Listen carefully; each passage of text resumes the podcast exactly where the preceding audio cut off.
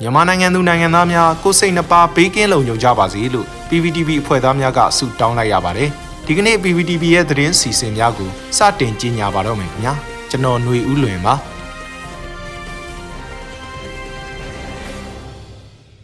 အခုပထမဆုံးအနေနဲ့ပြည်သူလူထုရဲ့တော်လှန်ရေးစိတ်ကြောင့်အကြမ်းဖက်စစ်ကောင်စီရဲ့အောင်ပါလေးထီဟာအဆုံးသတ်သွားပြီဖြစ်ကြောင်း မြို့သားညီညွတ်ရေးအစိုးရရဲ့စီမံကိန်းဗန်နာရေးနဲ့ယင်းနှိမ့်မြုံနယ်မှုဝန်ကြီးဌာနပြည်ထောင်စုဝန်ကြီးဦးတင်ထွန်းနိုင်ကပြောဆိုခဲ့တဲ့သတင်းကိုတင်ဆက်ပေးမှာဖြစ်ပါတယ်။အောင်ပါလေးထီကိုတပိတ်မှောက်တာဟာပြည်သူတွေရဲ့တော်လှန်ရေးစိတ်ကြောင့်ဖြစ်တယ်လို့စုချင်းနေတဲ့ຫນွေဦးထီကိုပြည်သူတွေကထိုးနေတာဟာလေတော်လှန်ရေးစိတ်ကြောင့်ဖြစ်တယ်လို့အမျိုးသားညီညွတ်ရေးအစိုးရ NUG ရဲ့စီမံကိန်းဗန်နာရေးနဲ့ယင်းနှိမ့်မြုံနယ်မှုဝန်ကြီးဌာနပြည်ထောင်စုဝန်ကြီးဦးတင်ထွန်းနိုင်ကပြောဆိုပါတယ်။ ဩဂုတ်24ရက်နေ့ကပြုလုပ်ခဲ့တဲ့အမျိုးသားညီညွတ်ရေးအစိုးရရဲ့သတင်းစာရှင်းလင်းပွဲမှာပြည်ထောင်စုဝန်ကြီးကအခုလိုပြောဆိုခဲ့တာပါ။အောက်ပါလီတီကိုပြည်သူများဘက်ကတပိတ်မှောက်လိုက်တာဟာတော်လန်ရေးစိတ်နဲ့တပိတ်မှောက်လိုက်တာဖြစ်တယ်။ အောင်လန်လွင့်ချီຫນွေဦးထီကိုတိန်းတောင်းချီဆိုတဲ့စုမဲများမလုံးများမပါဘဲနဲ့တီတစောင်း2000ထိုးတာဟာလေပြည်သူရဲ့တော်လန်ရေးစိတ်နဲ့ထိုးတာဖြစ်ပါတယ်။ပြည်သူတွေရဲ့တော်လန်ရေးစိတ်တဲ့ရှင်သန်နေသမျှကာလပတ်လုံးအောင်ပါလီတီတီဘယ်တော့မှပြန်လာတော့မှာမဟုတ်ပါဘူးလို့ဝန်ကြီးကပြောပါတယ်။စစ်ကောင်စီအနေနဲ့စုကြီးတွေဘယ်လိုပေးမယ်လို့ပြောပြော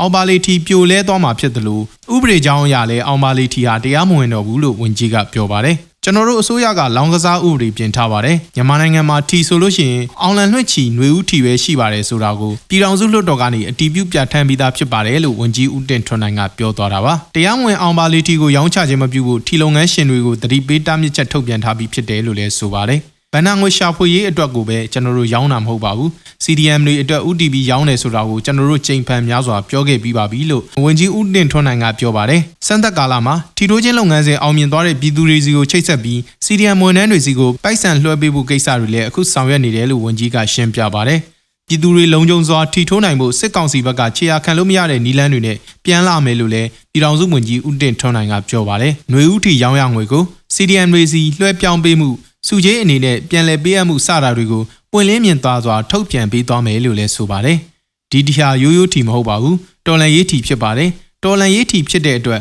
တော်လန်ရေးစိတ်နဲ့ပြည်သူကနေဆက်လက်ပြီးတော့ပူပေါင်းပါဝင်နေသမျှကာလပတ်လုံးကျွန်တော်တို့နဲ့ပြည်သူကြားတဲ့ကိုစစ်ကောင်စီကဝင်ရောက်နှောက်ယှက်လို့ရနိုင်မှာမဟုတ်ပါဘူးလို့ဦးတေထွန်းနိုင်ကပြောကြားသွားခဲ့တာပါ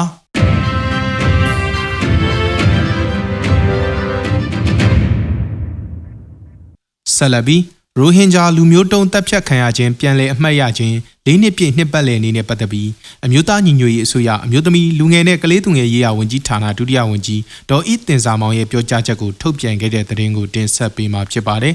။ဩဂုတ်25ရက်နေ့မှာကြားဟုတ်တဲ့နှစ်ပတ်လည်နေ့နဲ့ပတ်သက်ပြီးအမျိုးသားညီညွတ်ရေးအစိုးရအမျိုးသမီးလူငယ်နဲ့ကလေးသူငယ်ရေးရာဝန်ကြီးဌာနဒုတိယဝန်ကြီးဒေါ်ဤတင်စာမောင်ရဲ့ပြောကြားချက်ကိုထုတ်ပြန်ခဲ့ပြီးသွေးစည်းညီညွတ်မှုဆိုတာလူမျိုးစုတစုအပေါ်မတရားကျူးလွန်တာ တခြားလူမျိုးအပေါ်မတရားကျူးလွန်တာရောက်တယ်လို့ခံယူပြီးအတိတ်ကိုတာဝန်ယူရင်းအနာဂတ်ကိုလည်းမျှော်ကြည့်ရမှာဖြစ်တယ်လို့ဖော်ပြထားပါတယ်။စစ်တပ်ဟာရခိုင်ခေတ်အဆက်ဆက်အခြားလူနည်းစုအမျိုးသမီးများအပေါ်ကျူးလွန်ခဲ့တဲ့နေတူပဲရိုဟင်ဂျာအမျိုးသမီးများနဲ့အရွယ်မရောက်သေးတဲ့ကလေးငယ်များအပေါ်မှာလည်းအဓမ္မပြုကျင့်မှုတွေအုပ်စုဖွဲ့မရင်းကျင့်မှုတွေလိမ်ပိုင်းဆိုင်ရာညှဉ်းပန်းနှိပ်စက်မှုတွေပြုလုပ်ခဲ့တာကို Human Rights Watch က ရိုဟင်ဂျာအမျိုးသမီးတွေနဲ့ပြုလုပ်တဲ့အင်တာဗျူးမှာဖော်ပြထားတယ်လို့ဒုဝန်ကြီးကပြောပါတယ်။အတိတ်ကာလမှာမြန်မာပြည်သူတွေအနေနဲ့ဖြစ်ရမှန်တွေနဲ့ဘလို့ပဲဝေးကွာစေခဲ့ပါစေယခုစစ်အာဏာသိမ်းမှုဖြစ်ပွားချိန်မှာတော့ပြည်သူအများစုဟာအထူးသဖြင့်မျိုးပေါ်နေပြည်သူတွေဟာစစ်ကောင်စီလက်ပါစိတ်တွေရဲ့ရက်ဆက်ကြမ်းကြုတ်မှုတွေကိုမျက်မြင်ကိုယ်တွေ့ကြုံတွေ့နေရပြီးအမှန်တရားကိုလက်ခံလာပြီလို့ယုံကြည်ကြောင်းဒုတိယဝန်ကြီးက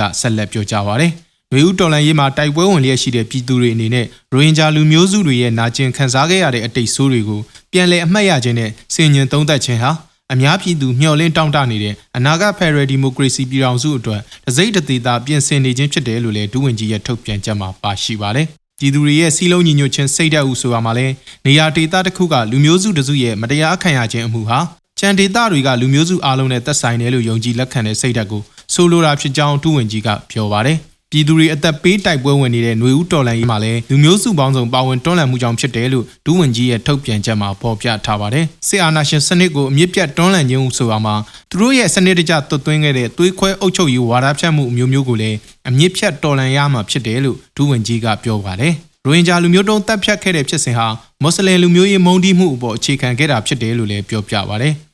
Human Rights Watch ရဲ့ဖော်ပြချက်အရ2019ကစတင်ပြီးစစ်တပ်ကရိုဟင်ဂျာလူမျိုးများအားတပ်ဖြတ်ခြင်းမရင်းမှုများကျူးလွန်ခြင်းမတရားဖမ်းဆီးခြင်းနဲ့နေအိမ်များမိရှို့ဖျက်ဆီးခြင်းတို့ကြောင့်ရိုဟင်ဂျာလူမျိုး6သိန်းကျော်အိန္ဒိနာချင်းဘင်္ဂလားဒေ့ရှ်နိုင်ငံကိုထွက်ပြေးခဲ့ရတယ်လို့ဆိုပါတယ်လက်ရှိအချိန်ထိရိုဟင်ဂျာ8သိန်း6တောင်းဟာကမ္ဘာအကြီးဆုံးဒုက္ခသည်စခန်းဖြစ်တဲ့ကော့ဘဇားမှာနေထိုင်နေရဆဲဖြစ်တယ်လို့ဆိုပါတယ် ပြည်တွင်းမှာကျန်နေတဲ့ရိုဟင်ဂျာတသိန်း2000ကျော်ဟာလည်းရခိုင်ပြည်နယ်မှာရှိတဲ့ဒုက္ခသည်စခန်းမှာပညာရေးကျန်းမာရေးအစရှိတဲ့အခြေခံလိုအပ်ချက်တွေချွတ်ချုံကျစွာနဲ့နေထိုင်နေရဆဲဖြစ်တယ်လို့ဒူးဝင်ကြီးရဲ့ထုတ်ပြန်ချက်မှာဖော်ပြထားပါတယ်ခင်ဗျာ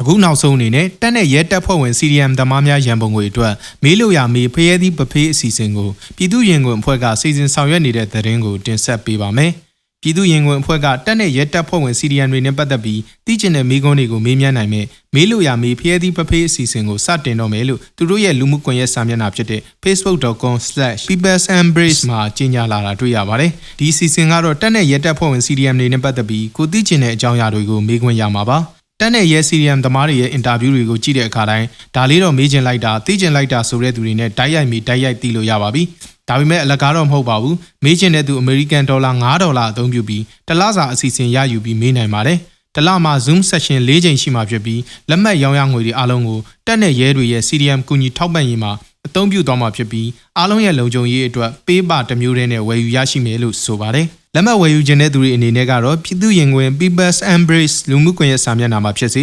peopleembrace@gmail.com မှာဖြစ်စေဝယ်ယူနိုင်ပါတယ်။လူဦးရေကတော့900လို့ကန့်သက်ထားပါတယ်။ဖျဲသီးပဖေးရဲ့အပိုင်းတစ်ကိုတော့လာမယ့်ဩဂုတ်လ29ရက်တောက်ကြနေမှာစတင်ပါတော့မယ်။ပထမဆုံးစီစဉ်မှာတော့စစ်တပ်ရဲ့စီရီယန်သမားကိုလင်းထက်အောင်ကဖြေကြားပေးမှာပါ။နောက်ပတ်တွေမှာလည်းအလဲကျတခြားတက်တဲ့ရဲစီရီယန်တွေဖြေကြားပေးကြပါအောင်မယ်။တချို့တွေက CDM လောက်လာကြပြီးတချို့တွေကဘာလို့ပြည်သူတွေကိုတပ်ဖြတ်နေတုံးလဲ CDM လုပ်ဖြစ်အောင်ဘာတွေကတွန်းအားပေးလိုက်တာလဲတက်နဲ့ရဲ CDM တွေကတော်လန်ရေးအတွက်ဘလောက်အထောက်အကူဖြစ်မှာလဲအစရှိတာတွေကိုသိကျင်မေးကျင်ရင်တော့ဖျက်သည့်ပဖေးစီစဉ်ကိုသာချိတ်ဆက်ပြီးကိုယ်တိုင်သိလိုတာတွေကိုမေးမြန်းစုံစမ်းပါလို့တရင်ကောင်းပါပါရစီလို့ရေးသားထားတာတွေ့ရပါတယ်။ရေတော်ဘုံအောင်ရမည်ရေတော်ဘုံအောင်ရမည်